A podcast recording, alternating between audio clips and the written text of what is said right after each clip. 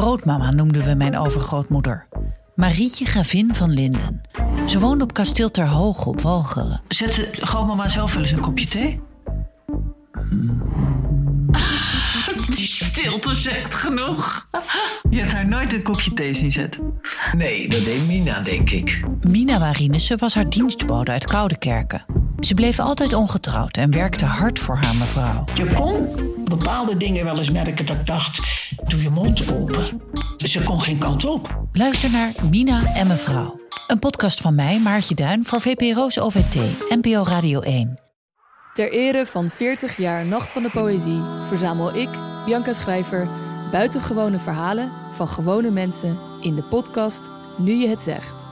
Verhalen over veranderende vriendschappen, kleine heldendaden en ook over wachten op de dood. Ik bedoel, ik heb zeven jaar geleden dacht ik van ja, mijn pensioen ga ik niet halen. Omlijst met de mooiste optredens op de Nacht van de Poëzie hoor je elke aflevering één verhaal. Je moet er niet zo lachen, want ik... Luister nu je het zegt hier in je podcast-app.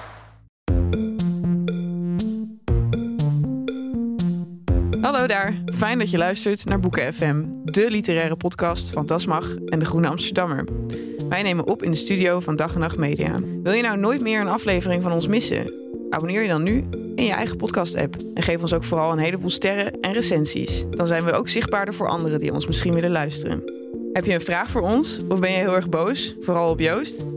Stuur dan een mail naar boekenfm.dasmag.nl. En we zijn tegenwoordig ook te vinden op Instagram, boekenfm. Hallo allemaal. Welkom bij Boek. Nee, Joost, doe maar gewoon je eigen stem, alsjeblieft. Het is gewoon een kikker met een lul in zijn bek. Ben jij dat? toch niet? Hallo allemaal. Welkom bij Boeken FM, de podcast waarin ik elke dag 12 minuten, ik houd bij met de kookwekker, bel met Ellen Dekwiets.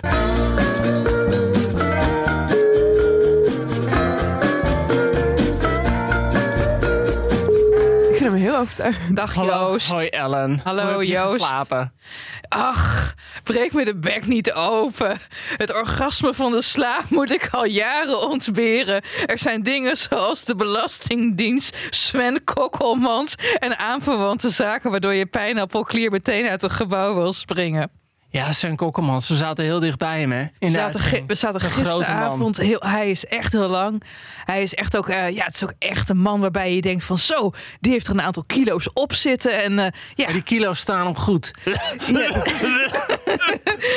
ja weet, je, we- weet je, Joost, laten, laten we maar stoppen. We proberen eigenlijk een lieve luisteraar een ode te doen aan die andere leuke podcast eh, die, die het Nederlands taalgebied rijk is. Ja, ik denk, namelijk. als we het maar gewoon genoeg over Wormer hebben, dan worden we vanzelf net zo populair als Mars van Roosmalen en eh Gijs Groenteman. Met hun podcast Weer en Dag. We waren dus even interpodcastueel voor u. Ja, voor degene die het niet kennen. Ke- Jij kende het niet, hè? Weer een Dag, de podcast. Nee, ik heb er één fragment van geluisterd en toen eh, trok ik het niet zo goed. Dus... Nee. Podcastluisteraar? Nee, helemaal niet. Oh, heel goed. Ik luister eigenlijk gewoon nul podcasts. is mijn goed waardig. Dan hou je zoveel tijd over om te dartelen door de weide. Ja, nee, het is, dat, het is omdat ik niet sport en niet schoonmaak. Dus dan Oh ja, luister je dan naar Ja, podcasts. oké.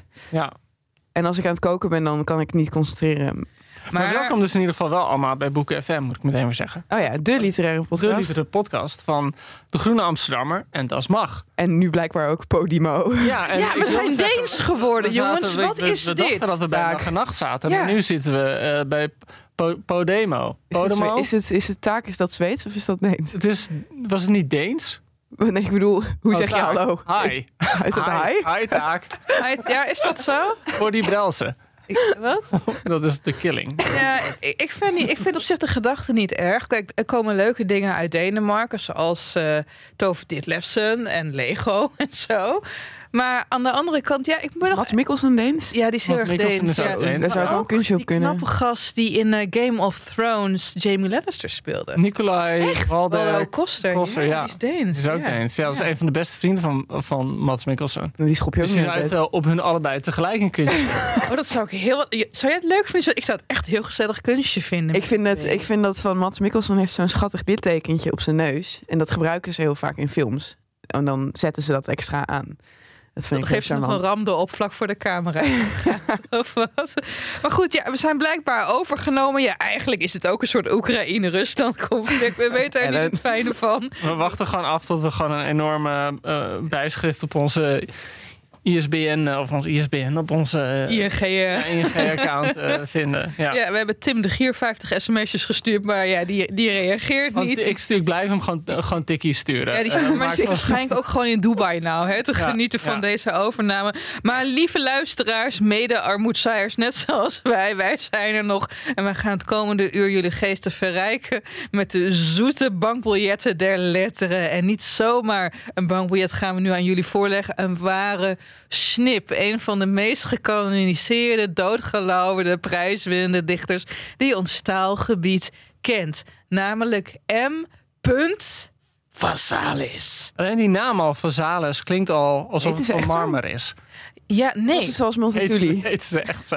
Ja, Nou, het klinkt toch echt... Het We zijn weer met eh, Charlotte is erbij. We staan 8-0 achter. Ze moeten weer eens even al die doelpunten wegwerken. Oké. En dan misschien dat we weer naartoe komen. Ik vond al heel veel toewijding dat ik die hele bundel heb gelezen. Charlotte. Nee, Van Zales was uiteraard eh, de bijnaam van eh, mevrouw Drooglever Fortuin Leemans.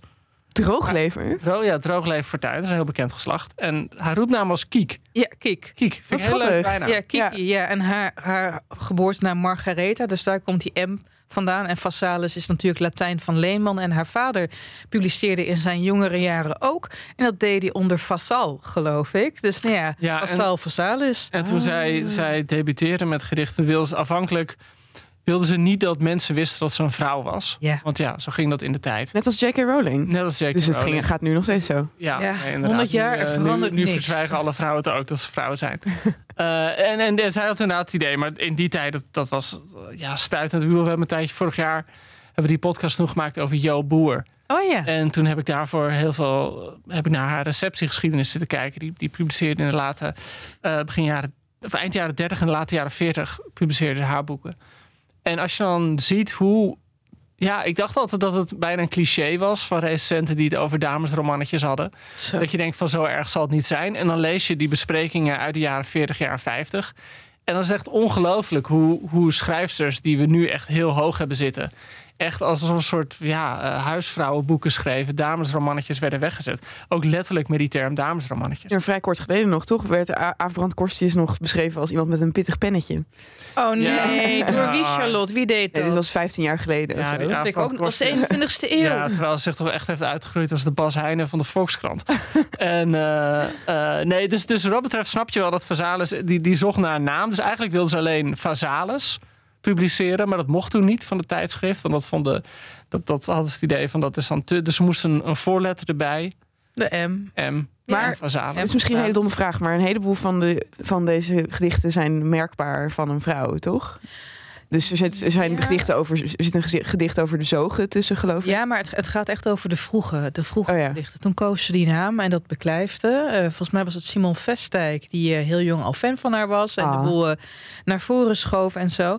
Maar goed, Versailles, wanneer is ze geboren, Joost? 1909, En wanneer ging ze dood, Joost?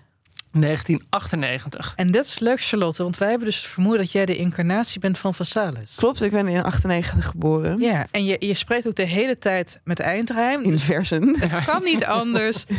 Het, het kan niet anders. Vassalis werd geboren in een, eh, ja, toch een vrijzinnig socialistisch gezin. Haar moeder maakte destijds ook nog deel uit van de communie, de gemeenschap. Eh, dus niet seksueel, maar gewoon echt een woongroep van Frederik van Ede. Die had in navolging van Thoreau in Amerika besloten om een woongemeenschap op het, eh, in de natuur op te richten. En die moeder, die dat maakte daar deel van uit. Die moeder was geobsedeerd met techniek. Die hing ook als ze over straat gingen onder auto's om te kijken hoe het allemaal werkte. Die vader was ook echt een ontzettend socialistisch vrijdenker. Haast anarchistisch, allebei atheïst. En uit zo'n gezin, ja, dan krijg je iemand die gedichten schrijft en in de vrije tijd psychiater wil worden. Nee, wat, wat ik ook mooi vind over die vader is dat hij tegen haar gezegd had van het maakt me niet uit wat je doet met je leven als je maar niet zo'n dame wordt. Eh, en, en het gekke is dat als je dan volgens leest hoe het verder gaat met haar leven, klinkt het meteen enorm als een dame. Want wat deze ze ging studeren in eh, Leiden, ging eh, bij het koor. Ja, en, En- zij zat, fun fact, in dezelfde jaarclub als ja, toen nog prinses Juliana. Ja, en wat, wat ik zo'n ontzettend leuke anekdote vind. Hè. Op een gegeven moment hebben die Juliana en, en Vassale samen een toneelstuk geschreven over Blauwbaard. En we weten allemaal, Blauwbaard was die gast die al zijn vrouwen om zeep hielp. En Ja, zij moest dus hebben... ook gewoon maar niet in die kamer kijken. ja, ja, jij staat achter Hier- Blauwbuit hier. Kijk, hier hebben wij buiten de, de, de, de microfoon best wel veel discussies over gehad. Dat is een beetje de blauwbaardgate tussen mij en Joost. Er komen ooit nog wel een keer uit. Maar weet jullie wat ik zo grappig vind? Hè? Zij hebben met z'n tweeën ook dat blauwbaard toneelstuk opgevoerd. Moet je je voorstellen.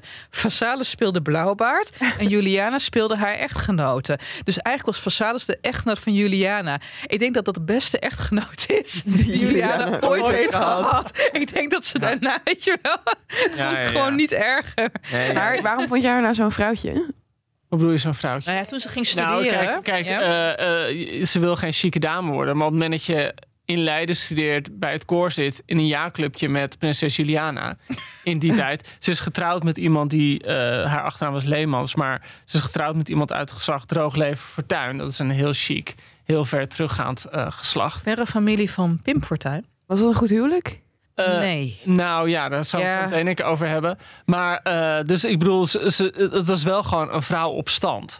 Ik bedoel, het is ook iemand die de leven, eh, de laatste 40 jaar van haar leven in een enorm landgoed, of een enorm heel En mooi Rode? landgoed heeft. Zo'n boerderij. Het is nu een bed and breakfast, ontdekte ik. Waar? Ehm, En Groningen, Rode. Of is dat net ja, Rode. Nee, Rode. Ja, Rode is denk ik net. Oh, vergeef me. Ja. Want haar man kreeg volgens mij een aanstelling aan de Rijksuniversiteit Groningen. Oké. Ja. Ik zou echt zelfs onder schot Drenthe niet kunnen aanwijzen, denk ik. Ja, nou, dus er zijn we weer onze, onze weer 10% van onze luisteraars Ja, in Drenthe nee, maar je kwijt. moet er een beetje oppassen. Want, want, want, want- want je- je- je- de vorige aflevering met Gerben Bakker zei je... Joost, je moet uitkijken dat je niet wordt gedoxt... dat er opeens een sniper op je... Maar als je dit soort dingen gaat zeggen... dan kunnen we nooit een live aflevering de mensen maken. van Zoom die luisteren. dit komen naar de dan. Rijnenburglaan in Utrecht om mij af te schieten. Ja, dan komen ze allemaal, weet je, dan gaan ze je met zo'n Bartje standbeeld omvermappen. Dat is gewoon echt niet de bedoeling. Oké, terug naar. Vazalis. Dus Vassades ging studeren, één groot feest. Ze, ze, werd eh, uiteindelijk kinderpsychiater en in de vrije tijd bleef ze gedichten schrijven. En zij debuteerde met haar eerste bundel Parken en Woestijnen. En dan moet ik even, ik ben zo hersendood vandaag, jongens. En 1940. n- iets later geloof ik toch? Het kwam namelijk, het kwam wel uit tijdens de oorlog. En dat fun Het fact, boek is je Park en Woestijn is van 1940 inderdaad. het verkocht in het eerste jaar 10.000 exemplaren. Het was oorlog, papiertekort, dus het was echt een hit. Ja, en eh, zullen we meteen naar het allerbekendste gedicht van Vazalis, Dat is de afsluitdijk. Afsluitdijk. Dat staat in deze ja, debuutbundel. dat zouden ze niet de buurt. lovend ontvangen. Toen nog wel. Ja, toen nog wel. Daar, gaan Daar we komen we zo meteen ook even over. Zij was gewoon meteen succesvol. Ja. En nogmaals, als je in de oorlog dus eh, in het eerste jaar 10.000 exemplaren verkoopt... dat was überhaupt in die tijd verkocht, verkochte romans en dichtbundels meer. Maar dit was in zo'n crisistijd en ook voor poëziehaast echt onvoorstelbaar. En hoe verklaar je dat? Is het omdat het zo toegankelijk is? Het is toegankelijk, maar er zit, eh, het kwam op het allerbeste moment uit. Er, er zit heel erg een existentiële twijfel in. Van ehm, wat verbindt mij met andere mensen? Ben ik als mens niet extreem eenzaam? Ehm, het, het, het, het, zit, het zit het secularisatieverdriet van de socialistische zuil in. Van ja, ik heb wel een spiritueel besef. Maar ik, ik, ik, ik geloof niet in een God. En er zit het verlies van het geloof in vrede in. Het kwam tijdens een oorlog uit.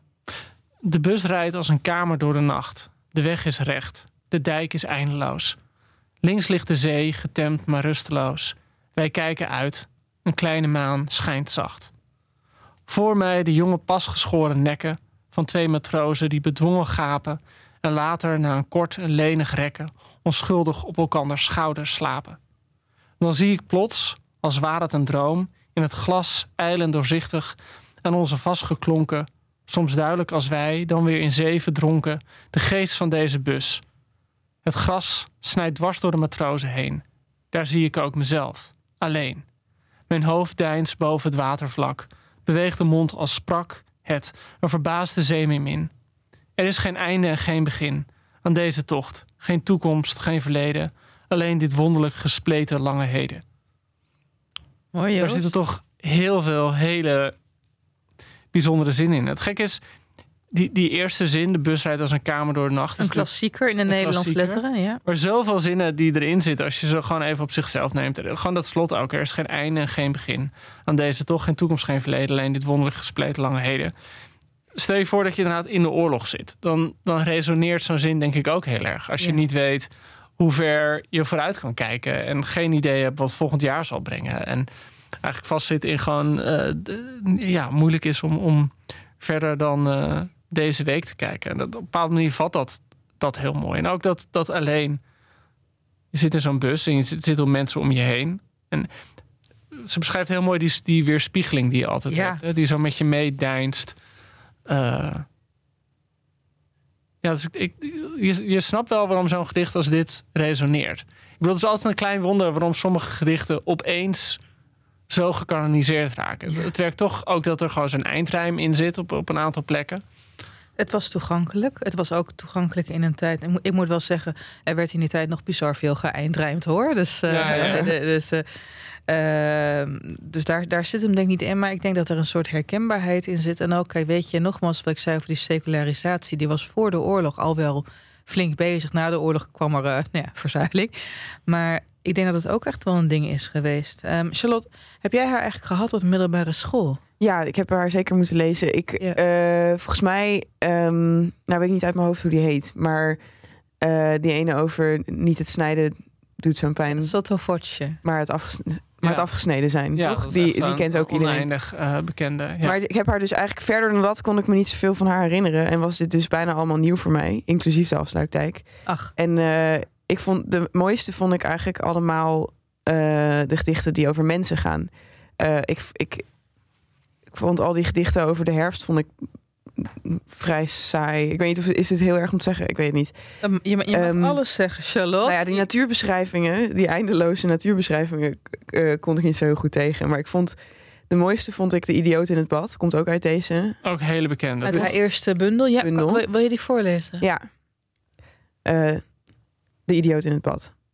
Met opgetrokken schouders, toegeknepen ogen, haast dravend en vaak hakend in de mat, Lelijk en onbeholpen aan zusters arm gebogen, gaat elke week de idioot naar het bad. De damp die van het warme water slaat, maakt hem geruster, witte stoom, en bij elk kledingstuk dat van hem afgaat, bevangt hem meer en meer een oud vertrouwde droom. De zuster laat hem in het water glijden. Hij vouwt zijn dunne armen op zijn borst. Hij zucht als bij het lessen van zijn eerste dorst, en om zijn mond gloort langzaamaan een groot verblijden. Zijn zorgelijk gezicht is leeg en mooi geworden. Zijn dunne voeten staan rechtop als bleke bloemen. Zijn lange bleke benen, die reeds licht verdorden, komen als berkenstammen door het groen opdoemen. Hij is in dit groen water nog als ongeboren. Hij weet nog niet dat sommige vruchten nimmer rijpen. Hij heeft de wijsheid van het lichaam niet verloren en hoeft de dingen van de geest niet te begrijpen. En elke keer dat hij uit het bad gehaald wordt en stevig met een handdoek droog gevreven en in zijn stijve harde kleren wordt geshort, stribbelt hij tegen en dan huilt hij even. En elke week wordt hij opnieuw geboren en vreed gescheiden van het veilig waterleven. En elke week is hem het lot beschoren opnieuw een bange idioot te zijn gebleven. Waar gaat het gedicht voor jou over? Uh, daarom vind ik het nou zo mooi, omdat het gewoon alleen maar om dit beeld gaat. Of zo. Ja, het zal wel ook nog om veel meer ja, gaan. Weet, ja, weet ik niet. Ik, ik, eigenlijk zou uh, mijn collega Marje Pruis erbij zijn. Ja. Die was een beetje overbezet. Die interviewde een keer Neeltje Maria Min, een van de andere grote bekende dichters van de, de afgelopen eeuw. En die vertelde dat ze dit gedicht las op haar veertiende en toen opeens dacht: ik word dichter. Dit, dit, is het gewoon. Oh ja? En toen vroeg Marja ook aan haar van wat betekent het gedicht dan voor jou? En zei ze ja, maar dat was juist het mirakel. Dat het niet iets hoefde te, te, te, betekenen. Het was inderdaad gewoon dit beeld. Ja. Deze ene soort van op zichzelf staande anekdote. Ik bedoel, je hoeft er niet verder te kijken dan de zinnen uh, en de woorden zelf. Ja, en ik vind dat ook, uh, we zullen het daar later nog wel even over hebben, maar wat er sterk is aan het proza, dat, aan de korte verhalen die ze heeft geschreven, is dat er niet een of andere ingewikkelde boodschap in zit. Het gaat gewoon om een soort van moment in time, slice of life, weet ik veel wat, hoe je dat dan noemt. Ja. Oh ja, wat ik me ook afvroeg, en het zal wel weer heel erg obvious zijn, maar is dat gedicht van Menno Wigman hierop gebaseerd? Nou, weet je, dat vind ik dus echt heel erg leuk. Je zwembad en dolder. Ja, zwembad en dolder. Ik heb, hem even, ik heb hem er even bij gepakt. Er zijn gedachten die fascistisch zijn. Het moet haast wel, toch? We hebben hem voorgelezen in onze Wigman-aflevering. Uh, er zijn gevoelens die fascistisch zijn. De vader die niet weet waarom hij slaat. De zoon die half verblind in foto's krast. De mooiste idioot die ik ooit zag, lag op zijn rug een heel heelal te zijn. Geen vader kreeg ooit greep op deze pees die als een cosmonaut het bad doordreef. Geen moeder stookte in zijn vissenkom. En wit, scheef en wijs zwom hij, hij zwom. Ik, uh, ik, ik uh, uh, Moet wel, toch? Ja, maar grappig dat je dit zo zegt. Ik heb een aantal jaren geleden was er ook een soort kanon van de 21ste eeuw. En toen heb ik voor, volgens mij was het voor de Wereld Door ja, volgens mij voor de Wereldrijd Door heb ik een kleine lijst moeten maken van de tien beste of meest invloedrijke dichters van de afgelopen 200 jaar. Welke plek had je jezelf gezet? Nummer één, Joost. Nummer één natuurlijk. En uh, ik belde Menno Wigman, dat kon toen nog, want hij leefde toen nog. De telefoon was nog niet afgesloten. En ik zei van, wat, wat, wat zijn nou eigenlijk jouw grote invloeden? En hij zei, nou ja, natuurlijk J.C. Bloem, uh, Trakkel, Duits dichter en Vassalis. En de, alle dichters die ik daarna naar hun inspiratiebronnen vroeg, weet je wat, weet je wat zij zeiden? Vassalis en Wigman. Dus Vassalis is direct en indirect voor heel veel hedendaagse dichters, ook bijvoorbeeld voor Hager, Peters en dergelijke, een invloed geweekt. Maar dit gedicht zeker. Um, Menno kende de idioot in het bad. En uh, uh, kijk, Vassalis heeft dit gedicht geschreven toen zij volgens mij stage liep ook of, uh, of al begonnen was met de studie psychiatrie, als ik me niet vergis.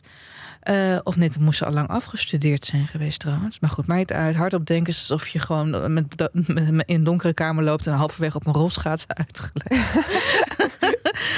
um, maar uh, dit gedicht van die idioot, uh, of Zwembad en Dolder, heeft men nog geschreven uit, in de tijd dat hij zelf in een gekkenhuis zat als artist in residence. Dus niet als dienstdoend gek.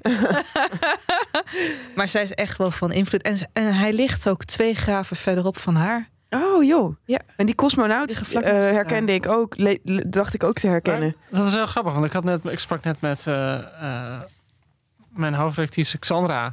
Die ik nog steeds mee het eten Ja, je moet nog steeds met haar zit echt elke tijd. running gag in dit seizoen. Als ik een podcast ga opnemen, zegt van oh, oh, oh, ja, ik zit nog steeds op die uitnodiging van Ellen te wachten. Shit, ja. Gaat, ik, gewoon elke avond gaat ze met honger naar bed. Ze zit gewoon te wachten tot jij. Ik haal je op, ik neem je mee. En zij vertelde dus exact hetzelfde, dat dat um, haar vriendin Duska Meising was overleden. Ja. En toen ging ze naar Zorgvliet om een graf uit te kiezen. En toen bij zag ze een mooi plot. En zei ze, oh nou, hier, hier zou ik wel willen... Naast Vassalis. En dat bleek toen naast Vassalis ja. te zijn. Ja. Er stond alleen die naam uh, uh, Drooglever uh, Fortuin stond erop. Dus dat ja. niet meteen die connectie Vassalis. En op dat beeld stond een... Of op dat schilderij stond een klein beeldje van een soort... Op de zerk bedoel Op de zerk, ja. Een soort een... Wow, mooi woord is dat ja, een soort engeltje, een soort met zijn vleugels naar binnen gekeerd. En, en dat was dus uh, het, het overleden kind van uh, Dickie. Dickie. Uh, waar de tweede bundel aan opgedragen is. Ja, want, want hoe zat dat, lieve luisteraars? Vassalis die maakte de oorlog. Maar overleed het kindje ook in oorlogstijd, jongens? ja, nee, van, Dickie 16, het is opgedragen die bundel. Dus het staat. Dickie 16 april 1942, 10 oktober 1943. Ja. He has the shadow of our night. Ja, trouwens, af en toe uh, hoort u de vraagtekens door uw uh, oortjes heen komen. Voor degene die echt nog meer wil weten over Vassalis, Maaike Meijer heeft een prachtige ja. biografie geschreven. Ik heb hem toen hij net uit was, dus elf jaar geleden gelezen. U hoort in deze podcast vragen van wat ik mij ervan is bijgebleven. Maar daarin zit veel meer achtergrondinformatie. Maar ja, de vogel Phoenix, wat ook heel tragisch is. De bundels opgedragen aan een gestorven peutertje. En de vogel Phoenix is natuurlijk in de oudheid het symbool van iets dat uit zijn as weer herrijst. Dus je krijgt ook nog een nieuw kindje aan het einde van de oorlog, toch? Ja, ja er komt een vervangend kindje. Ja. Dus misschien daarom? Ik weet het niet. Ik hoop het. Ik zou het wel verdrietig vinden. Ja. Wat is ja. dat kindje overkomen? Of is dat, is dat te gruwelijk om je te vermelden? Volgens mij, ik weet het niet zeker. Want ik heb net, ik ben nu de biografie van Ralph Waldo Emerson aan het lezen, waarop een kindje aan roodvonk overlijdt. Waardoor nu in mijn hoofd deze dikkie ook aan roodvonk is overleden. Ja, ik heb net wel een heel groot profiel geschreven van Jan Morris, de, de Engelse reisschrijverster.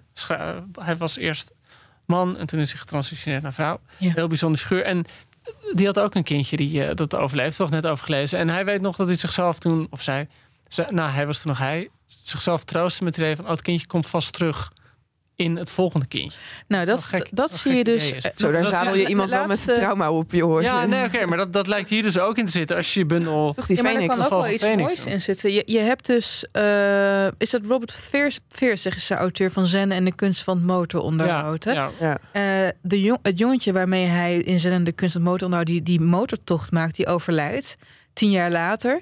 En uh, hij is ervan overtuigd zijn latere dochter Nel gewoon een incarnatie is ja. van dit ene Ja. kind. Maar ja, goed, jongens, we, we, we maken even een En conversationele Misschien moeten we dat, dat, de- dat, dat ook erbij zeggen. Uh, we weten dit niet, omdat Vasalis uh, na de oorlog inmiddels echt een grote dichter. Een hele bekende naam. Die bundels ook, als je kijkt in het colofon... hoeveel herdrukken die bundels allemaal hebben gehad. Dat ging niet door. Sick. En zij zelf nooit een interview gegeven. Ze heeft één keer in de leven een interview aan twee kinderen gegeven... en, uh, maar voor de rest hebben allerlei journalisten geprobeerd haar te bewegen van... hé, hey, mogen we je interviewen? Groot in de krant, klein in de krant, wat je wil. En ze wilde niks. Had ze daar principiële Nou, ze was, uh, ze, ze was natuurlijk uh, psychiater van beroep. En ze wilde niet, ze had het idee dat als zij een bekende persoonlijkheid was, een, een, bekend gezicht, dat dat haar cliënten dwars zou zitten. Oh ja. ja. En dat die dan niet meer vrij met haar konden spreken. Dus zij wilde dat afgescheiden aan. Ze was ook wel heel erg op haar eigen familie gericht. Dat wilde ze ook heel erg afschermen. Ja, en ze was heel integer. Want, uh, uh, want zij, zij hielp ook nog eens vrienden aan de nodige bijstand. Bertus Avius, geloof ik. Daar zat ze wekelijks een paar uur s'avonds mee te bellen... zodat hij maar zichzelf niet van het leven beroofde. Dus dit was iemand die heel toegewijd was aan vrienden en familie. En... Heel erg Gerard Reven, heel erg bijgestaan. Ja, waren hele goede vrienden. Zijn na het leven, uh, of na postuum, zijn nog hun brieven gebundeld. Um, dus nee, het was, was wel iemand. Het was, niet, het was geen kluizenaar. Nee. Dat, dat denk je heel vaak. Hè? Maar van die schrijvers. Zij heeft wel eens gezegd ook later van als ik niet zoveel tijd aan mijn vrienden en familie kwijt was, dan had ik gewoon echt hele romans kunnen schrijven. Uh. Veel meer boeken. Maar ja, het, het mocht niet zo zijn. Ik ga, laten we eens even teruggaan uh, naar de gedichten. Maar mag ik iets vragen over ja. uh, hoe zij wordt gelezen? Um, toen de Poolse dichtster Szymborska ja. de Nobelprijs won. Ja werd er gezegd, ik weet niet meer door wie, van nou hebben we eindelijk een Nobelprijs voor de literatuur en geven ze hem aan de poetsvrouw. Ah. Um, ja, dat vind jij natuurlijk grappig, oude volkraat. Oh. Gewoon een grappige opmerking, los over wie het gaat. iemand in Polen? Uh, uh, een andere schrijver was dit, die hem had willen winnen, geloof ik. Oh, ik ben vergeten wie dit was. Zuur. Maar uh, ik had dit beter moeten voorbereiden. Goed, anyway. Ik vraag me dus af, omdat ik dus heel van deze gedichten nogal soort van huiselijk vond. Ja hoe het dan kan dat zij wel zo serieus werd genomen. Ja, maar moeten we dan nu even over de receptie hebben? Van nou, misschien wel. Misschien wel. Kijk, um, zij, zij, dus die eerste bundels gigantisch goed ontvangen. Tweede bundel ook wel. Maar toen kwam de tijd na de oorlog. En dat was natuurlijk een omslag. Weet je wel, alles werd experimenteel. Men wilde echt heel erg een breuk met alles wat voor het establishment stond. Of dat nou het politieke of het culturele establishment was. En ja, Façades maakte in de tijd echt wel deel uit van een literaire gevestigde orde. Haar uh, beschermheer was Simon Vestdijk. Nou ja, hoe, uh, hoe, hoe, uh, hoe, klassiek, wil je, hoe klassiek wil je het hebben? En opeens waren daar de vijftigers. En dan moet je denken aan Gerrit Kouwenaar. Dan moet je denken aan Bert. Die opeens gedichten maakte waarbij het niet meer ging om een verheven betekenis. Zoals de versen van Façades af en toe wel hebben. Maar het gaat om vuurwerkbommen van klank. Van ongelooflijke potentie. Ja, ook van experimenten experiment, en van, van gekte. En, ook vanuit het geloof dat de oude narratieven na zo'n oorlog echt gewoon totaal hun waarde hebben verloren. Dus je hebt bijvoorbeeld beroemde regels van Lucebert, de oude Meepse bar, gerust nimmer meer in drap. Ja, wat betekent het? En zij uit de achterhoek komt, heb je geen idee. Maar de klanken maken een magie los in je hoofd. En het was meteen knijterharde oorlog tussen vooral de vijftigers en Vazalis. Ja, en, en het, nou, precies wat jij zegt. Want het, het gek is wel met, met de, de, de dichters van Vazalis. Misschien ook gewoon puur omdat ze schrijft onder de naam Vazalis. Het voelt allemaal wel alsof het in marmer gehouden... Ja, elitair. En het is ook, en het is ook een hele gedragen taal heel ja, vaak. gewichtig. Heel gewichtig. Heel, weet je, het zijn van die gedichten waarvan je het idee hebt... Je moet ze heel traag voorlezen. Ik bedoel, sommige van die gedichten vallen echt op alsof ze speciaal geschreven hebt, heeft om ze op een grafzerk te schrijven. Weet je wel, je voelt echt gewoon. Uh, volgens mij is, hoort ze ook tot de schrijvers die denk ik het meest op uitvaarten. Ja, met Kopland en Ingmar Heitse. Ja, met ja. Kopland en Ingmar Heitse schijnt ze het meest voorgelezen. Ik weet niet hoe ze dat bijhouden, maar iemand houdt het bij, blijkbaar. uh, nou, volgens mij vooral in kranten, boven dodenberichten. Ja, ja, nee. Dat zit maar ik was vooral zo verbaasd over die, die uh, um, gedichten die heel expliciet over het moederschap gaan. Omdat ze dan toch, en dat is waarschijnlijk de zelfhaat van mij, uh, dan een soort van vrouw, vrouwtjespoëzie zijn of zo. Maar dit, dit, is, dit is niet zelfhaat, dit is toch vrouwenhaat liever? Nou ja, oké, okay, maar ja, nee, ik hoor daar wel bij. Hè? Het zijn gewoon de gedichten van. Uh... Nee, oké, okay, maar ik, ik, kon me gewoon niet voorstellen dat dat serieus genomen werd. Nou ja, op van die gedichten over van. Nee. Er is er eentje waarin ze dan in de kinderkamer staat van haar kinderen en dan ruikt ze de nagellak en de weet ik wat de lakens en dan En, dan denkt ze na over van hoe hongerig je dat opsnuift als ouder, die geur van je kinderen. En ik van ja, dat is leuk, maar heel sentimenteel. En, het, is, uh, het is precies dat idee van gezin is de hoeksteen van de samenleving, waar de generatie van de 50 natuurlijk helemaal van moest braken. Een soort CDA-propaganda. Zeker. Nou ja, en op dezelfde manier zit er in die gedichten uh, een soort van mystiek.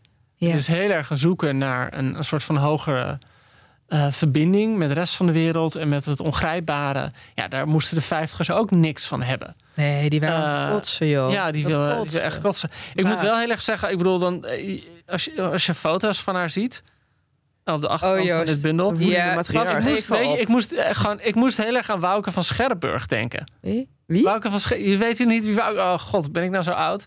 Wouke van Scherp, dat was die NOS-verslaggeefster. Ze zit nu in die serie van uh, uh, Fortuyn tegen Melkert. Oh, weet je wel, dat is die bekende zij. journaliste waar ja, Fortuyn toen tegen haar zei van... Mens, ga naar huis, stop, ga stop, koken. Mag ik even? Ga koken? Wat een goede serie. Een heerlijke serie. Heb je hem gezien, Charlotte? Het jaar nee, van ik, Fortuyn? Ik, ik, kon, nog niet, kon niet voorbij Jeroen Spitsberger met, met kaal haar oh. komen. Hoe zeg je dat? Een kaal hoofd. Ik vond hem echt fantastisch. Maar, maar kijk, Ramsi Nasser, nou, die verdient echt een Emmy. Ik bedoel, je kan van Ramsi Nasser vinden wat je... Wie speelt hij dan? Hij speelt Ad Melker. Melker. Ah, echt de rol van zijn leven. Fantastisch. Ja, echt, God, wat een acteur. Uh, het is, het is uh, voor mijn gevoel is de serie grappiger dan de Ik vond iedereen iets koddiger dan dat ze in het echt waren. Vet jij van hoe het als Matt Ja, Matt Herben is echt nog, geweldig. ja, doen, ja. hoor. Vet jij dan niet Matt en, uh, Maar ook gewoon Thijs Reumer als Kai van der Linden. Ja, ja. Ook echt geweldig. Ja. En, en Gerdy Verbeet door Carly Wijs. door Carly Wijs. Nee, nee, het is echt een serie...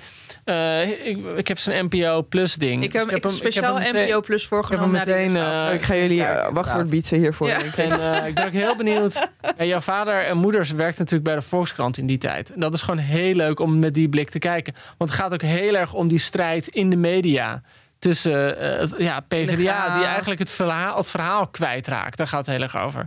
Ja, sorry, we springen ineens heel erg maar, terug maar naar even 2001, wat een 2002. Tip, wat ja. een tip, jongens. Even terug naar Versace Joost. Die vindt dus dat ze heel erg lijkt op, op Wouter Scherburg. ja, dus kijk het jaar van Fortuin, dan weet je hoe ze eruit ja. ziet. Heb je meteen een goede serie gekeken? Terug ja. naar jou, Joost. Um, dit was volgens mij gewoon mijn observatie. Dat ze eruit zag als Wouter. maar we, had, maar we hadden het, was Charlotte begonnen over... ja, ze heeft toch een beetje vrouwtjespoëzie... Toch? Ja, nee, ja, nou, nee, dat, dat, ja, dat, was, dat viel mij een beetje op. En ja? ik vroeg me dus heel erg af van hoe kan dat in de tijd van de vijftigers dan populair zijn geweest? Uh, nou, het was, het, was dus, het was voor de tijd van de vijftigers populair, wat meteen de reden was dat de vijftigers uh, zich er tegen afzetten. Want niet alleen was het inhoudelijk, ze vonden het burgerlijk.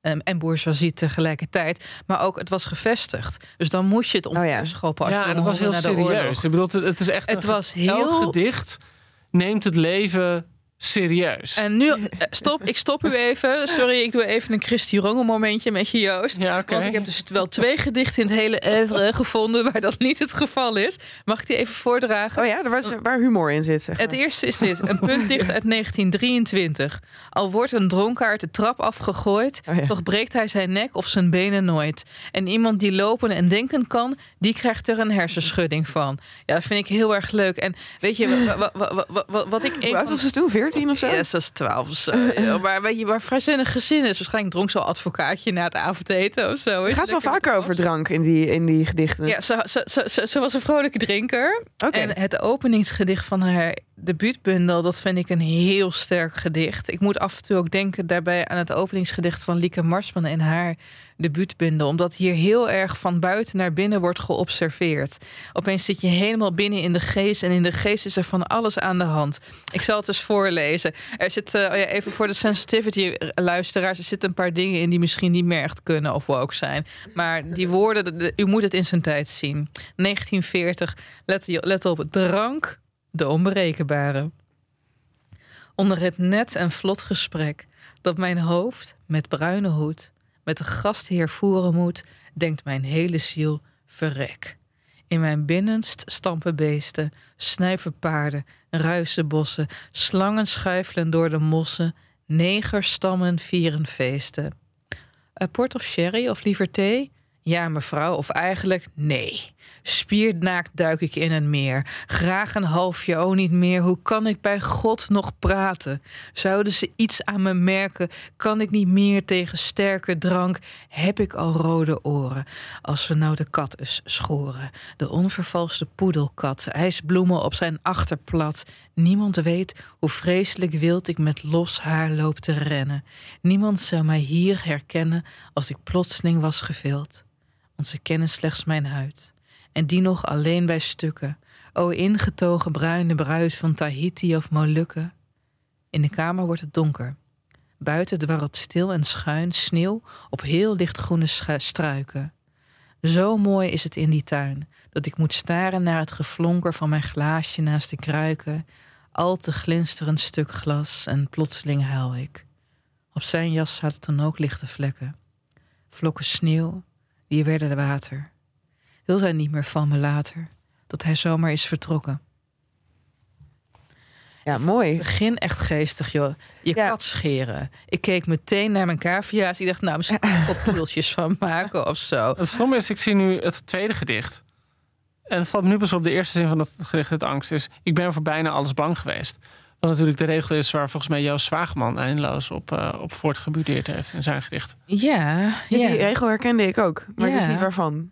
Ja, nee, dus dit is de origineel. Maar Zwageman heeft het gedaan, het heeft Frederike Spicht er een lied van gemaakt. En um, ja, zeker na het overlijden van Zwageman is er toen heel veel mee gebeurd. Ja, maar weet je, kijk, want we hadden het net even over het huisvrouwgehalte van haar werk. Ik moet zeggen dat ik dat vooral in de bundels uh, na Parken en Woestijnen vind. Ik vind Parken en Woestijnen zelf echt het hoogtepunt van het oeuvre. Daarna ja, gaat het toch een beetje allemaal bergenafwaarts. dat is met Millie Vanilli. Weet je wel, de buurt was leuk. En daarna startte het kaart. bleek ze niet zelf te zingen. Helemaal dat in. ook, ja.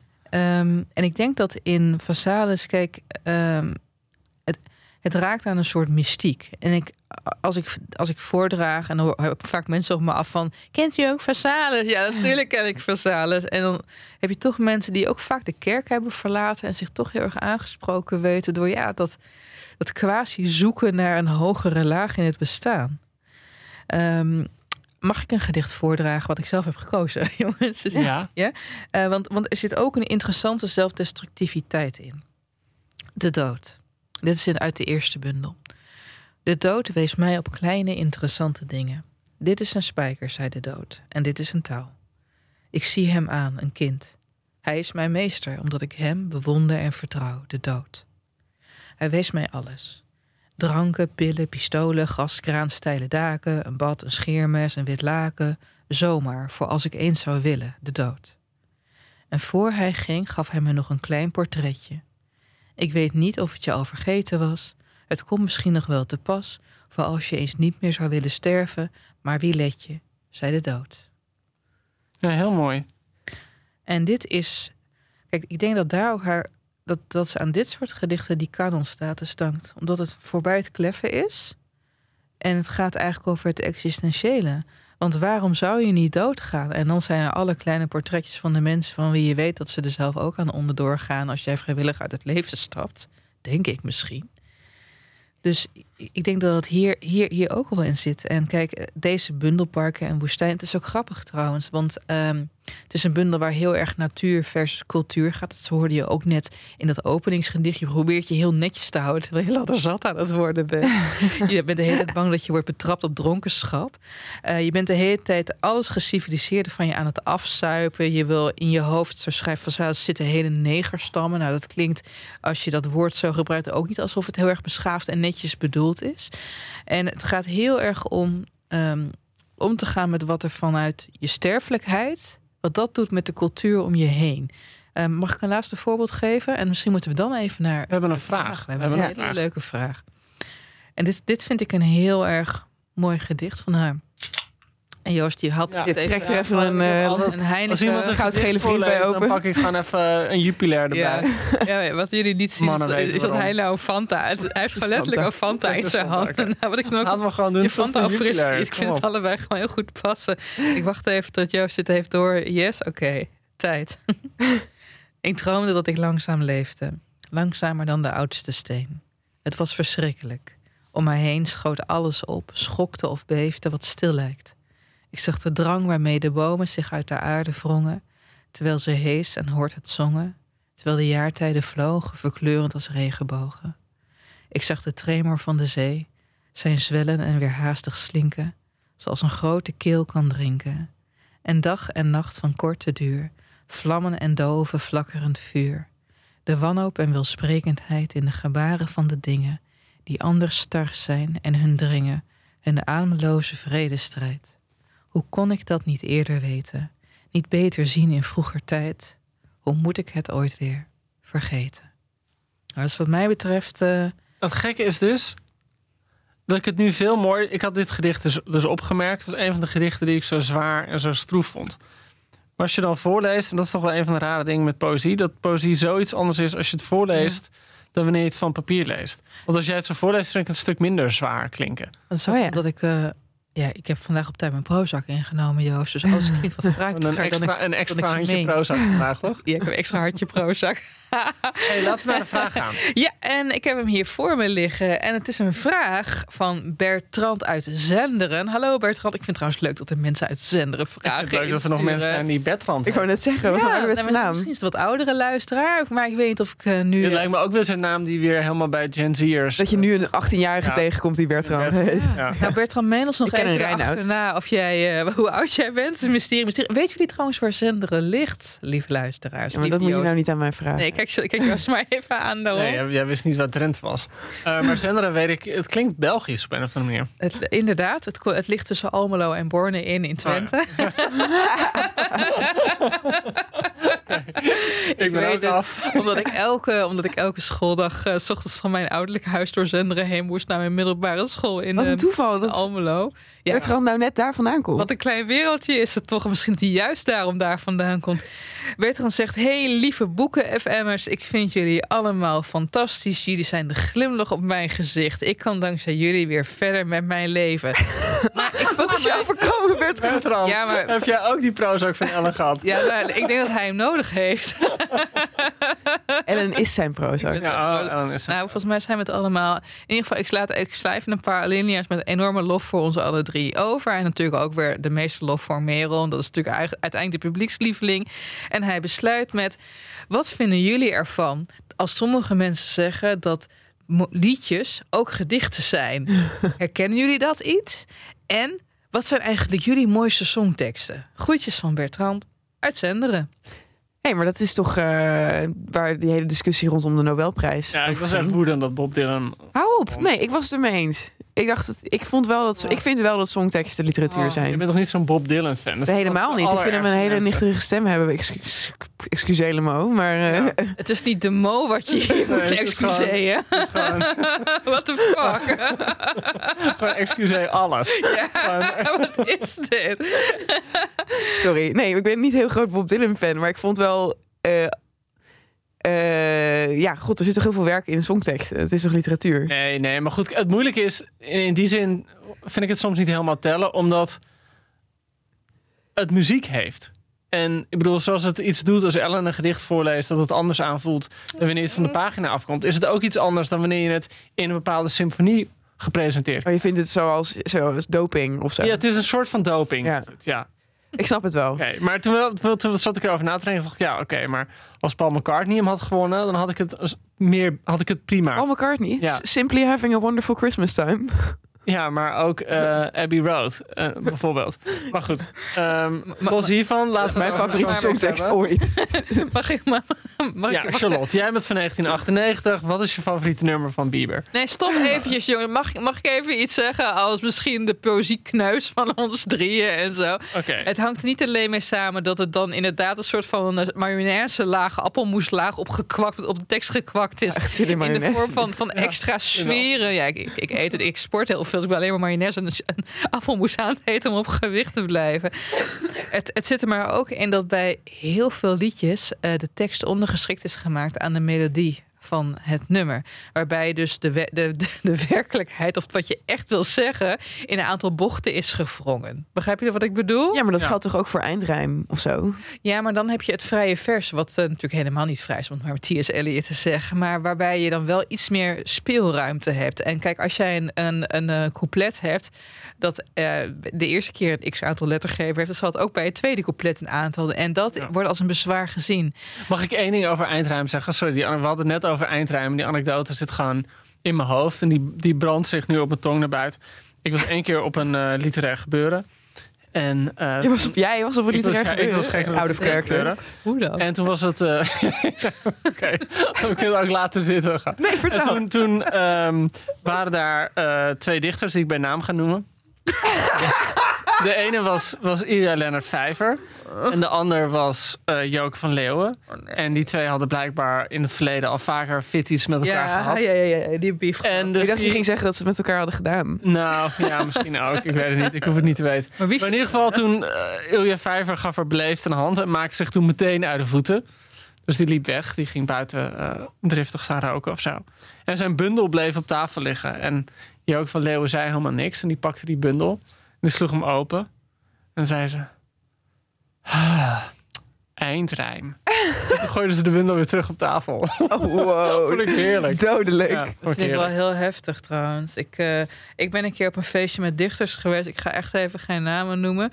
Maar een van, we, we, hadden, we hadden allemaal dichtmiddels meegenomen. Het was een dichtersfeestje. We hadden een kampvuur gemaakt. Oh my god, het lijkt me, het is echt mijn nachtmerrie. Nee, ja, nee, dat, het was echt gewoon zalig. Want je weet niet wat de afterparty daarvan was. Maar goed, maar tijdens het feestje zelf ging iemand gedichten voorlezen van Joke van Leeuwen. En toen hebben meerdere mensen die persoon gekneveld. En ze hebben de bundel van Joke van Leeuwen in het vuur gegooid. Oh my god. Ik was het niet. Maar wel Echt een wel? andere bekende dichters. Die nu luisteren met schaamrood op de oren. Hey, maar eens even... Bertram. We moeten de vraag van Bertrand. Bertrand? Bertram. Bertrand. Bertrand. Of Bertrand. Bertrand. Bertrand. Denk ik toch. Ja, Bertrand. oké, Bertrand. Bertrand. Bertrand. Bertrand. Bertrand. Um, ja, jongens, hebben jullie eigenlijk songteksten daar, die jullie zo mooi vinden dat het voor jullie eigenlijk ook gewoon literatuur is? Ja. En jullie gaan me uitleggen, weet ik gewoon We zeker. gaan jullie uit, natuurlijk gaan we je uitleggen. Ja, dat is sowieso. gewoon Dat is En uitlachen. een beetje waarom je hier bent. Ja. Ehm, eh, Eva van Boudewijn de Groot.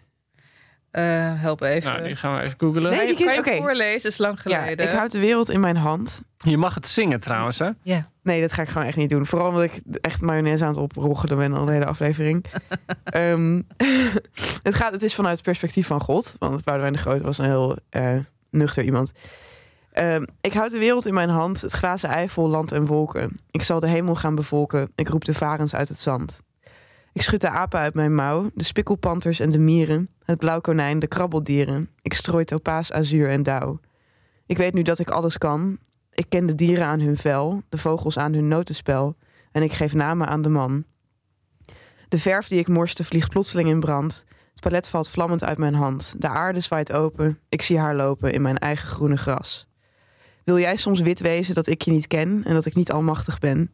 Je wilt me vergeten, mijn vruchten eten en me bedriegen met je man. Hier in je lichaam van albast zie ik de roze vlammen branden. En wat je wilt valt in je handen. Je hebt mijn wereld aangetast. Nou, het gaat nog even zo door. Dat is best wel mooi. Ik vind het heel mooi. Ik vind het een hele schitterende heftig. tekst. Het is Ja. een heel mooi nummer ook. Maar ik neem aan dat hij die tekst niet zelf Lennart Nijgers. schreef. Ja, Ja. dat zal Lennart Ja. Nijg zijn inderdaad. Ja. Maar goed, dus, dus ik vind het echt Wat- poëzie. Wat, wat spreekt jou daarin aan? Ik snap het hoor, ik vind het ook heel mooi. Maar is er iets specifieks wat er bij jou een snaar beroert? Nou, dat ehm, die, de machteloosheid van het opperwezen, eh, dat soort van Pygmalion-stijl, die vrouw heeft gemaakt en dan per ongeluk verliefd op haar wordt.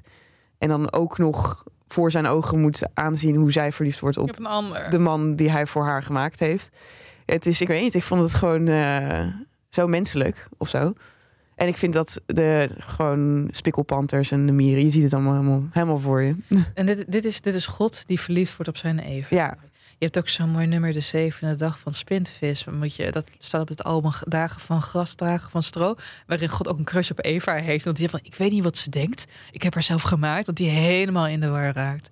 Maar Ja. mooi, Charlotte, mooi gegeven.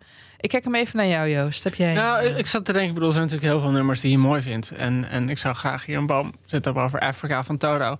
Maar ik zat te denken van, wat is nou, wat is nou, een, wat is nou een, een songtekst die ik echt literair vind? Ja. En misschien ligt het voor de hand hoor, maar voor mij, ik, ik moest meteen aan Graceland van Paul Simon denken. ah. Omdat het een, een, nummer is, dat het is bijna een kort verhaal op zichzelf. Ga je het voorlezen? Nou, ik zal hem niet helemaal voorlezen, want het is een, een het heeft bijna geen Kan je een paar mooie regels... eh, maar ik begin er gewoon mee. The Mississippi Delta was shining like a national guitar.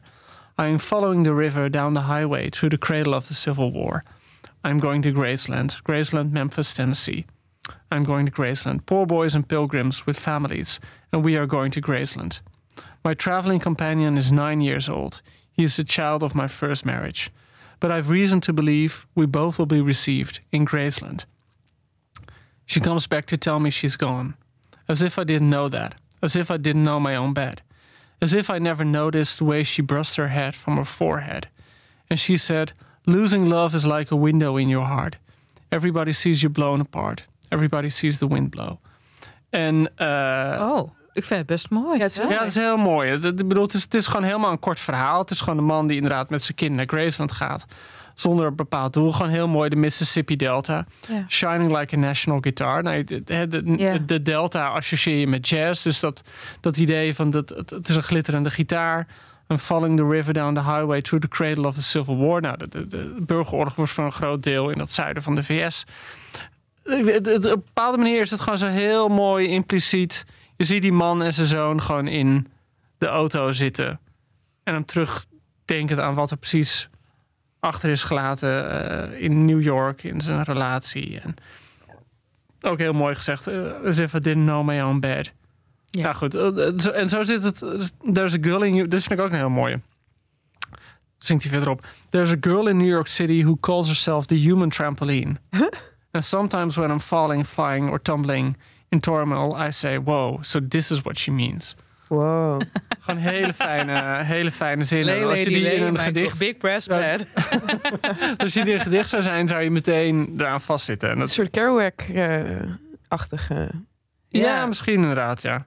Maar mo mo mooie, mooie Joost. Mag, mag ik een voorzetje doen? Want er Zeker. zijn. Uh, het is natuurlijk een misvatting dat songteksten uh, inferieur zijn aan poëzie. Ik heb wel eens dichters dat, die al tegen me zeggen van... Uh, gedicht altijd beter. Nee, is, is niet beter. Simpelweg omdat het tot een genre behoort. Stomme koekenbakkers.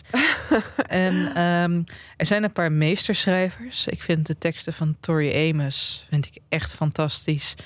Um, af en toe is het te vaag. Uh, maar ze heeft echt zulke sterke zinnen.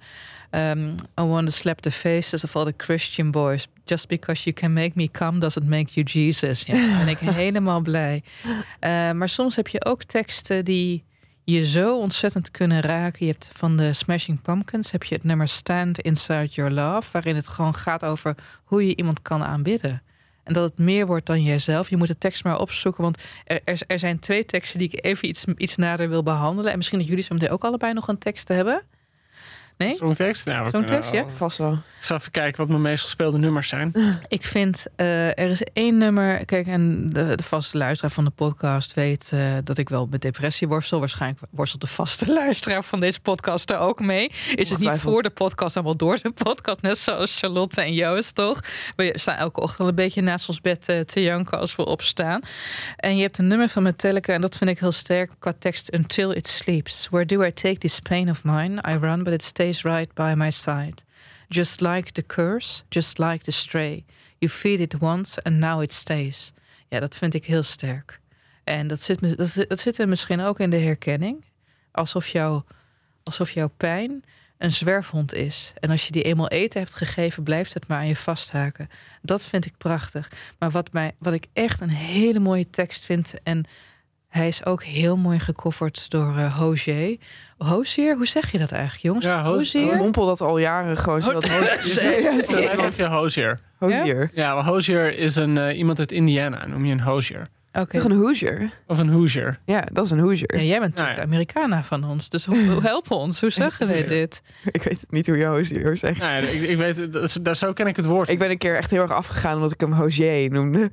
Hozier. Nou, in ieder geval H-O-Z-I-E-R. Die ja. gast uit Ierland. Dat is ook grappig als ik eerst liedjes van Hozier heb geluisterd op mijn YouTubes. En mijn vriend, die, dat heb ik niet meer zoek, zoekgeschiedenis gewist. Dus mijn vriend altijd heel boos. Jij vindt Hozier aantrekkelijker dan dat je mij vindt. En hij is ook een singer-songwriter ligt heel gevoelig thuis.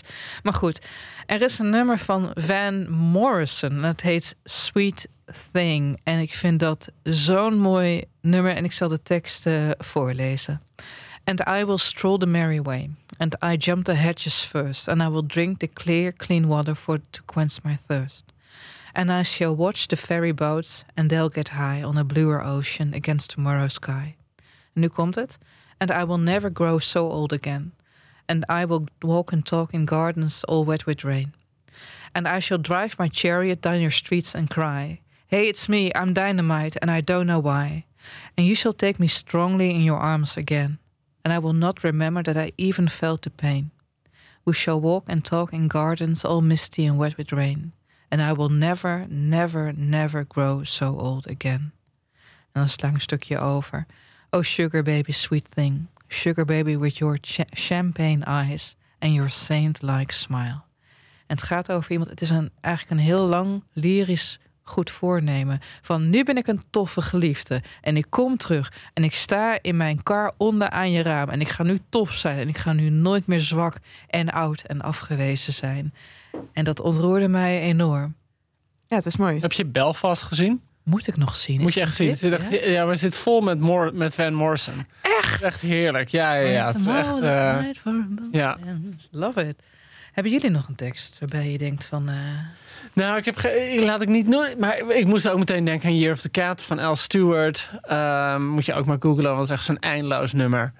En, maar ik bijvoorbeeld ook, maar dat, dat is dus zo'n nummer waar als je het over dat, dat het niet helemaal eerlijk is dat iemand er muziek bij heeft. Maar bijvoorbeeld Grapefruit Moon van Tom Waits. Grapefruit Moon, One Star Shining, Shining Down on Me. Maar op een bepaalde manier, het is gewoon zo'n nummer over dat je, voor mijn gevoel gaat het erover dat je gewoon opeens in je eentje in de wereld bent. En niet op een verdrietige manier, maar je loopt s'avonds laat over straat en je bent de enige persoon eh, die je kunt vinden. En, en je- de, de maan is er voor jou alleen. Oh ja. En, en dat, dat, dat gevoel is het heel erg. Maar op een bepaalde manier ook, het is gewoon hem, het is gewoon Tom Waits achter een piano. Eh, heb, je, heb je Licorice Pizza al gezien? Schat, natuurlijk. Oké, nou, daar is een Tom ook in, gek genoeg. Tot mijn verbazing. Dank voor het mensplannen. Ja, Ja. ik was mij. hè. Het is een film, ik zal het even uitleggen. Maar goed, luister. Even iets En, eh, bij mensen zitten erbij. Maar goed, oké. we heb jij nog een tekst of gaan we terug naar, uh, naar M. Vazales? Laten we even terug naar Vazalis. Ja, en ik moet er wel bij zeggen trouwens, Fiona Apple, ook een shout-out naar Fiona Apple. Leuke teksten. Ja, geweldig. Hey, we gaan terug naar Versailles. Ik wou nog nog even een anekdote vertellen, omdat het een beetje een inkijk geeft voor wat het wordt en wat voor kneuzig gezin ik afstam. En mijn moeder ging Nederlands studeren toen ik elf was en ik studeerde Nederlands met haar mee, want ik overhoorde haar elke week. En eh, daar heb ik heel veel van opgestoken. Wat schattig. En ja, lief hè. En mijn vader is heel erg fan van de Russen. En op een gegeven moment, je hebt natuurlijk gewoon de beroemde gedicht wat jij zo mooi voorlas, net Charlotte de idioot in het bad. En ik eh, ging op een gegeven moment, was ik jaar of 16, zei ik van, nou mam, ik ga in bad. En ik pakte van Dostoevsky die idioot. En die neem ik mee. en eh, in geen enkel ander gezin had hier ongelachen kunnen worden. Maar dan weet je een beetje mijn, eh, mijn voordeel. Ik kon het niet ongezegd laten. Hey, ehm, Ik vind het echt wel zo'n inkijkje in hoe Ellen is geworden hoe ze is. je hebt geen idee. Ik heb serieus als kind ook, ik zal een voorbeeld. En in een ketel met. Dostoevsky gevallen. Ben je Ik ben geboren. in een ketel met wat? Met? Met Dostoevsky gevallen. Ja, nou ja, niet alleen daar. God, een ketel, een ketel een mix van literatuur, alcohol en nicotine. Want ik mocht ook gewoon, ik heb op mijn elfde mijn eerste sigaret gerookt met mijn ouders. Dat is lekker, doe maar. Je, als ik dus straks eh ligt te sterven, dan weet je hoe het komt. Ehm, toen mijn moeder dus Nederlands studeerde, toen zat zij in het eh, tweede jaar, zat ik in groep 8. En toen gaf ze me, spiegelde zij mij dit gedicht voor van Fassaat. Zei ze, waar gaat dit over? Wil ik eerst hierna van jullie weten waar het volgens jullie over gaat? En daarna waar het volgens haar en mij over ging. Onweer in het moeras. Het staat op pagina 31 van het verzameld werk. Naast het vlakke gladde meer, blauw en roze als een maansteen, staat het rechte bos van riet. Elke halm een groene speer, elke speer staat slank alleen met een dun vernis van licht. Licht en schaduw bewegen niet. In de hemel hangen zware violet gekleurde wolken. Niets verraadt de gele schare vogels die het riet bevolken. Dan splijt met een verblindend licht de hemel open en slaat dicht met een donderende slag. Als in een donkere smederij spatten uit het rieten bos vonkenregels vogels los. Een zwerm van duizend vurige vlerken stuift geel omhoog in het sombere zwerk en een ziedend hoge zang breekt vrij. Mijn hart werd plotseling wit en heet. Het was of ik zelf werd omgesmeed. Ik heb het angstig ondergaan. Ik kwam er sterk en nieuw vandaan. Dat is een orgasme, toch? Ja, totaal. Oh, oké. Wat ja. dacht jij, Charlotte? Ik dacht gewoon vogels. Oh, you sweet child of Nou, dit summer. zegt- dit Look zegt at ook weer heel veel over slotten.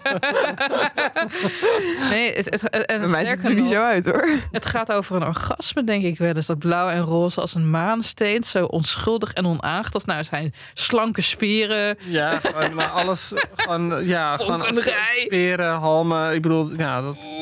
Ja, sexy tijd. Oh joh, ik, ik, denk dat ik het gewoon allemaal zo kuis vond dat ik het, dat ik het dit hier overheen heb gelezen. Nee, nee maar Fassaas was wel, was wel een hitsige donder. Dat zie je ook wel. Die is ook naar Zuid-Afrika gegaan voor haar reuma, geloof ik. Toen ze nog een jonge vrouw was. Oh, die was al die, die was wel te koekeloeren naar de veetjes hoor. Wat we verder nog denk ik moeten zeggen over Vazalis. En dat het ook wel. Dus die eerste bundel, dat Park en Woestijn in 1940, Vogel Phoenix, 1947. En kwam ze met Vergezichten en Gezichten in 1954. En dat was het. En, en zo krijg je dus een mythische status. Ja, heerlijk als iemand zo bondig is. En, en mevrouw, uh, ze leefde door. In ieder geval, komt er nog wat? En zei, nee. Nee, het is echt gewoon... gewoon uh, uh, maar het gekke is dat ze dus... Of het gekke is, ze kreeg wel dus het Constijn Huygensprijsprijs.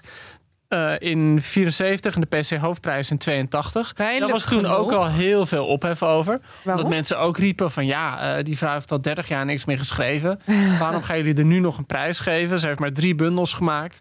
Weet je wel? Dus kreeg die PC Hoofd volgens mij ook gelijk met Luce haar voormalige aardsvijand van de vijftigers.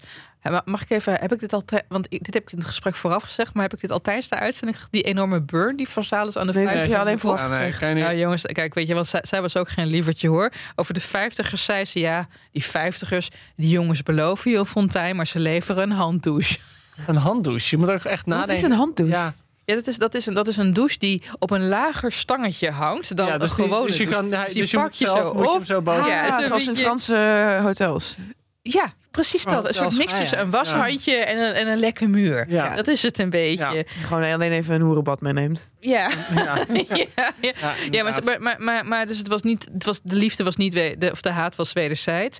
Maar zij heeft er volgens mij tegelijkertijd met ehm Lucie Berg Ja, gekregen. en er waren toen, toen waren, was het echt iets waar ook allemaal mensen dan stukken Charlotte tegen gingen Mutsaars heeft echt een heel er- groot art in haar revisor geloof ik. Ja, zoiets ja. Charlotte Mutsaars gewoon over, vooral over één zo'n zin Ja, van ik ben bedroefd. Eh, ik voelde me bedroefd en goed. De slotzin van van Varen komt. ik Ja, heel ja. mooi. Ja, en, Mee en eens. een heel stuk van Charlotte Mutsaars van hoe kan je nou bedroefd en goed zijn? Mi, mi, mi, En- mi, mi, mi, ja.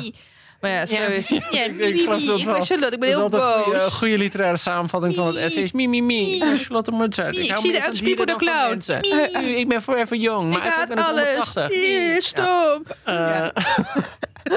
Dus, Volgende eh, week bespreken we het verzameld werk van Charlotte Mutsaars. Ja. Ehm, dus nou ja, goed. Dat, dat- dat- ja, je snapt ook wel dat zij op een gegeven moment gedacht moet hebben van... weet je wat, prima. Eh, ze heeft best wel wat prijzen gehad. Haar boeken en, en haar bundels werden altijd gewoon goed gelezen. Dan kan het je ook veroorloven om te denken van... ik hoef niet zo nodig in de spotlight. En ze had geen tijd, hè? Want een gezin, kinderen, een, een man met een enorm drukke baan, zij zelf. Ja, haar man was Voltijdbaan, hoogleraar. ja. En eh, ze had ook altijd nog de ambitie om verhalen te schrijven. Maar ja, de tijd was er niet naar. Ook trouwens een fun fact, hè. Weet je wie echt helemaal idolaat was van Vassalis? En dat zie je in haar achtergelaten gedichten. Heeft ze echt geprobeerd om Vassalis in haar serieuzere werk na te doen. Annie M. G. Smit. Oh, Dat is zo? Die hard Oh. fan. ik moest ja. er wel aan denken met dat... eh, eh, ik wil niet meer, ik wil niet meer, ik wil geen handjes geven. Ja, Eh, ja. Dat doet me heel erg denken aan dat eerste gedicht. Anyway, we moeten een beetje gaan We afronden. moeten een beetje gaan afronden, denk ik. Eh, ja, ik haat het altijd, maar we moeten dan toch een, een cijfer geven. Voor iemands volledige werk. Ja, maar goed, het is 100 bladzijden, hè, dat volledige werk. Ik heb het gewoon in een dag gelezen. Ja. Nou, Dus, nou zeg het dan. maar cijfer. Ja, waarom moet ik Ja, altijd ja, eerst ja, zijn? Volgens mij ben ik, altijd eerst. Zal ik maar als eerste gaan? Ja. ja, eerst. Ja, kijk, ik, ik moet zeggen, Parken en Woestijnen vind ik een heel belangrijke bundel. En ik vind dat een meesterwerk. Eh, maar de rest van het werk valt daarbij in het niet. Het is trouwens ook handig om te weten, lieve luisteraar. Er is nog een postuum werk verschenen eh, aan de oude kustlijn. Maar dat is samengesteld door de familie. Dus eh, we moeten even wachten tot die familie ook is overleden. Zodat we in de archieven kunnen kijken welke goede gedichten er zijn achtergebleven. Want langs de oude kustlijn beslaat voornamelijk lieve familiegedichten. We weten dat allemaal, dat allemaal niet gemeend kan zijn. Ik geef zelf Parken en Woestijnen een dikke vette 9. De rest van het oeuvre minder hoog. Ik kom uit op een gemiddelde van een 7. Eh, ja, ik denk dat ik ook voor de zeven ga. Ik vond een paar gedichten echt schitterend. En ik vond dus, en daar hebben we het helemaal niet over gehad, maar ik vond het proza ook heel erg leuk. Ik vind het grappig, een stuk grappiger dan de poëzie. Ehm, maar ik ben- werd niet ontzettend geraakt. Eh, Ik heb niet gehuild. En wat dan ook. Dus zeven. Een 7. Ja, ik, eh, als je zo'n zo'n bundel leest, ik weet dat het vloek in de kerk is, Ellen. Maar je hebt ook vaak dat je er een beetje doorheen bladert en kijkt waar blijft je ogen aan plakken. En zo begin je met lezen. Ik weet, ik weet je hoort een bundel chronologisch te lezen. Dus, Tinder. Uh, en hardop voor te dragen. En hardop voor te dragen, ja.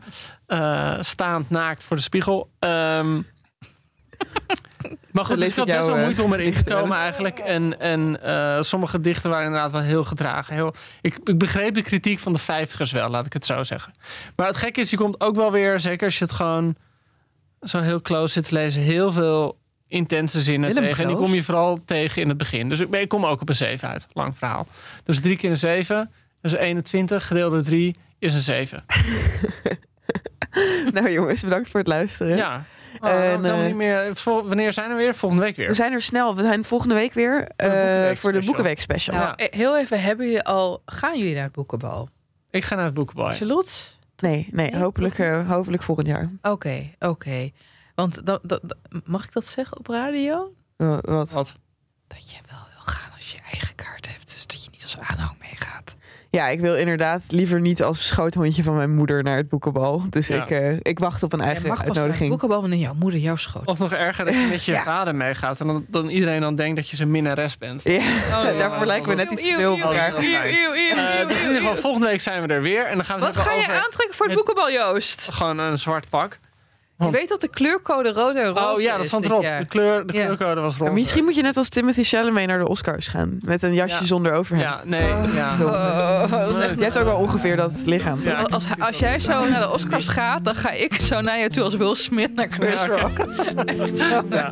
En, uh, maar het thema is uh, Eerste Liefde. Dus we gaan het volgende week ook in de podcast hebben over de literaire Eerste Liefde.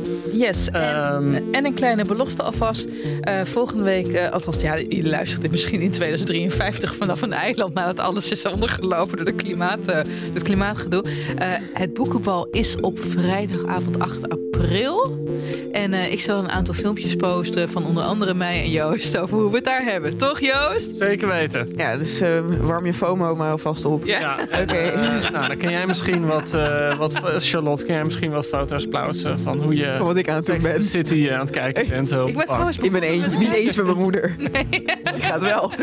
Uh, Oké, okay, jongens. Tot volgende week. volgende week. We hebben het helemaal niet meer over mijn skincare routine gehad. Stop! Doen we volgende week. Oké. Okay. Doei. Doei.